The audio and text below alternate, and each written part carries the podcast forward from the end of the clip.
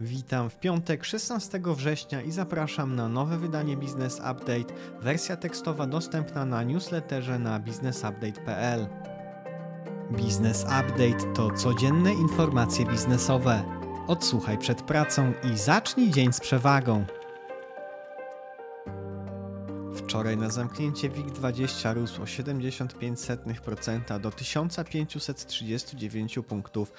W Stanach S&P 500 spadało nieco ponad 1% do 3894 punktów. Euro znowu zrównało się z dolarem i kosztują 4,73. Gospodarka i makroekonomia. Agencja ratingowa Fitch przewiduje, że polska gospodarka wejdzie w techniczną recesję w trzecim kwartale tego roku, a w czwartym kwartale w stagnację. Agencja zmniejszyła prognozę wzrostu PKB na ten rok do 3,9% z oczekiwanych 5,2% wcześniej. Obniżyła także prognozę na przyszły rok do 1,5%. Ponadto przewiduje wzrost stopy referencyjnej do 7,5% do końca roku i spadku do 7% na koniec przyszłego. Szczyt inflacji spodziewany jest na poziomie 20% na początku przyszłego roku. Institute of International Finance podał w swoim raporcie, że światowy dług w drugim kwartale osiągnął poziom 350% PKB, a do końca roku wzrośnie jeszcze o 2%. Globalny dług spadł jednak w ujęciu dolarowym o około 5,5 biliona i wyniósł 300 bilionów dolarów. Spadek został spowodowany deprecjacją walut G10 w stosunku do dolara. Parlament Europejski przekaże Ukrainie 5 miliardów euro w charakterze długoterminowych pożyczek. To kolejna transza makrofinansowej pomocy łącznej wartości 9 miliardów euro. Środki zostaną przeznaczone na utrzymanie szkół, szpitali i innych instytucji państwowych. Informacje biznesowe. KDPW wprowadzi od 1 października do końca roku 12 czasowych obniżek opłat w zakresie rozrachunku transakcji i rejestracji papierów wartościowych. Do końca roku obowiązują również czasowe obniżki w zakresie dywidendy oraz zwolnienie z opłat rozliczeniowych dla animatorów obrotu dla akcji i praw do akcji spoza indeksu WIG20. Łączna wartość wszystkich obniżek wyniesie ponad 5 milionów 300 tysięcy złotych. Największy deweloper logistyczny w Europie Panatoni rozpoczął budowę Panatoni Park Sulechów 3 o powierzchni 88,5 tysiąca m2. Cała przestrzeń została wynajęta klubowi zakupowemu Best Secret, który oferuje modę premium w niskich cenach. Magazyn w Sulechowie to kluczowe ogniwo w łańcuchu dostaw firmy. Align Technology, producent znanych nakładek ortodontycznych Invisalign, otworzył fabrykę we Wrocławiu. To pierwszy zakład produkcyjny Align Technology w Europie. Firma zatrudni tam 2,5 tysiąca pracowników do końca 2025 roku. Produkcja będzie obsługiwała rynki Polski, Hiszpańskiej, Środkowej Europy, a docelowo cały region EMEA. Eurocash zawarł umowę z grupą Comp, integratorem systemów IT oraz dostawcą rozwiązań z zakresu bezpieczeństwa. Współpraca zakłada synergię technologiczną i ma wygenerować szereg korzyści dla właścicieli lokalnych sklepów współpracujących w ramach sieci franczyzowych i partnerskich grupy Eurocash, m.in. sprawne zarządzanie polityką cenową, promocjami, komunikacją i asortymentem.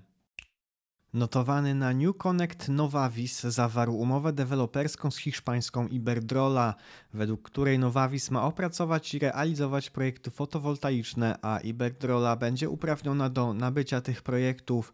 Pierwszy etap zakłada realizację 8 projektów o łącznej planowanej mocy około 350 MW.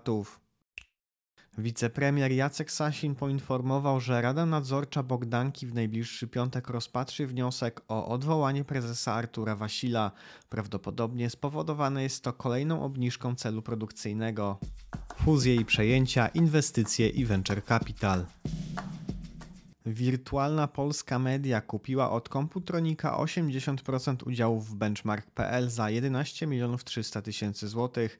WP kupuje udziały również od założyciela Benchmark.pl. Łączna kwota transakcji to 14 milionów 100 tysięcy, na którą składa się wartość benchmark w wysokości 12 milionów złotych i 2 miliony złotych gotówki. Benchmark jest odpowiedzialny za redagowanie tekstów marketingowych dla kategorii IT. Prezes grupy Ambra, producenta i dystrybutora win, poinformował, że grupa zamierza obserwować polskie, czeskie, słowackie i węgierskie rynki w kwestii możliwych przejęć, szczególnie w przyszłym roku. Orkla, norweski koncern skupiający się na dobrach konsumpcyjnych i gastronomii, zawarł umowę na zakup 74% w Dagrasso, franczyzowej sieci pizzerii w Polsce, która w całym kraju posiada 193 lokale. Strony nie ujawniły ceny zakupu, a transakcja ma dojść do skutku w czwartym kwartale tego roku. Dotychczasowe właścicielki pozostaną w spółce. Dzięki tej inwestycji sieć Orkli będzie się składać z 860 pizzerii franczyzowych. W zeszłym roku koncern miał około 23,5 miliarda złotych przychodów i 21,5 tysiąca pracowników. City Robotics, polski startup wprowadzający na rynek przystępne cenowo roboty, pozyskał 1 100 tysięcy euro od funduszy Azahar Global, Demium Capital i Aniołów Biznesu. Dzięki finansowaniu firma planuje przyspieszyć prace badawczo-rozwojowe.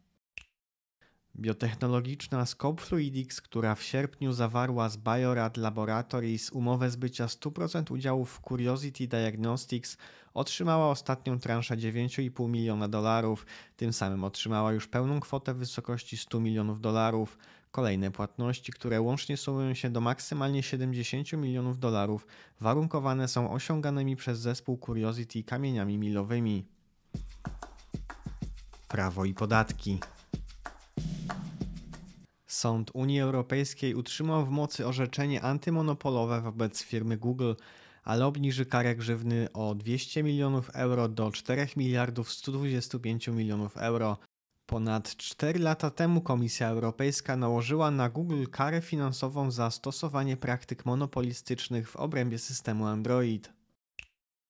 Kalifornia wystąpiła z pozwem przeciwko Amazonowi, zarzucając naruszenie przepisów antymonopolowych oraz, że spowodował podwyżkę cen na terenie całego stanu. Prokurator generalny Rob Bonta stwierdził, że Amazon uniemożliwia sprzedawcom oferowanie niższych cen za pośrednictwem stron internetowych konkurentów.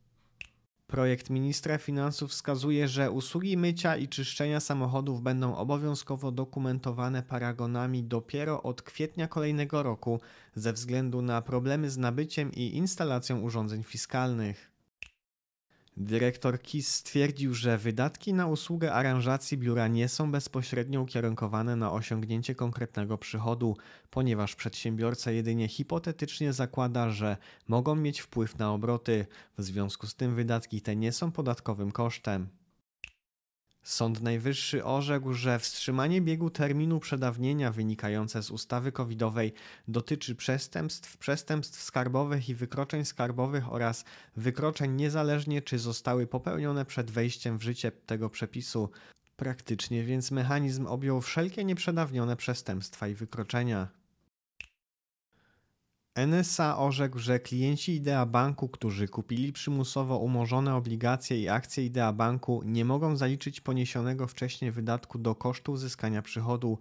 Byłoby to możliwe, gdyby sprzedali papiery choćby za złotówkę. Dyrektor KIS stwierdził, że VAT od sprzedaży energii elektrycznej do ładowania samochodów należny jest tam, gdzie znajduje się stacja ładowania, ze względu na dostarczanie prądu poza systemem elektroenergetycznym. Według dyrektora KIS zarabianie na transmitowaniu filmów na platformie streamingowej bez prowadzenia działalności gospodarczej prowadzi do uzyskania przychodu z tzw. Tak innych źródeł, w związku z czym należy rozliczyć się w zeznaniu rocznym PIT 37. Wiadomości rynkowe. Według badania KPMG w ubiegłym roku 69 procent polskich firm doświadczyło cyberataku. 64% przedsiębiorców wskazało, że głównym problemem w stosowaniu systemów zabezpieczeń jest brak odpowiednio wykwalifikowanych pracowników. Popyt na kredyty hipoteczne w Stanach spadł od zeszłego roku o 30% ze strony nabywców domów. 30-letnia stała stopa oprocentowania kredytów hipotecznych osiągnęła poziom 6% po raz pierwszy od 2008 roku. Według badania Barometr Piwa zleconego przez Związek Pracodawców Przemysłu Piwowarskiego wskazało, że 94% browarów ocenia realia prowadzenia działalności jako gorsze nawet w porównaniu do okresu pandemii. Zamknięcie działalności rozważa aż 27% browarów. Wartość indeksu WIG gry stanowi obecnie mniej niż 45% wartości tego indeksu z jesieni 2019. W okresie największego nasilenia pandemii i ograniczeń w poruszaniu się wartość indeksu WIG gry była niemal dwukrotnie większa niż jesienią 2019. Według raportu GPW i Grant Thornton 41 spółek notowanych na giełdzie to spółki rodzinne. Na koniec sierpnia było ich 172, jednak nadal niewiele z nich ma uporządkowaną kwestię sukcesji rodzinnej. Jedynie w przypadku 24% spółek rodzinnych akcje są w posiadaniu chociaż jednego sukcesora, a w 14% przedstawiciel pokolenia sukcesorów zasiada w zarządzie. Wyniki spółek i rekomendacje. Wielton w pierwszym półroczu miał zysk na poziomie 86 milionów złotych względem 41 milionów rok temu. Dzięki temu Wielton utrzymał pozycję wicelidera polskiego rynku, na którą awansował w ostatnim kwartale zeszłego roku. Po publikacji wyników za drugi kwartał bieżącego roku kurs Wieltonu rósł o 8% i tym samym zbliżył się do sierpniowych maksimów. Autopartner w drugim kwartale miał zysk EBITDA w wysokości 78 milionów złotych, jedynie 2 miliony złotych wyższy niż rok temu, podczas gdy przychody wzrosły o ponad 20% do 707 milionów złotych. Prezes Górecki zwrócił uwagę na to, że sprzedaż na eksport już przewyższa sprzedaż krajową i zamierza kontynuować zagraniczną ekspansję, pomimo nieco niższych marsz osiąganych za granicą. STS w drugim kwartale miał o 19% niższy wynik EBITDA rok do roku na poziomie 32,5 miliona złotych, również poniżej oczekiwań. Grupa liczy na zdecydowanie lepsze drugie półrocze i podtrzymuje całoroczne oczekiwania. Prezes Mateusz Juroszek uzasadnił swoje prognozy nadchodzącymi Mistrzostwami Świata w piłce nożnej. To już wszystkie informacje na dziś. Życzę Państwu owocnego piątku. Jeżeli nasz serwis jest w jakikolwiek sposób dla Państwa pomocny, będziemy wdzięczni za polecanie go dalej i do usłyszenia w poniedziałek.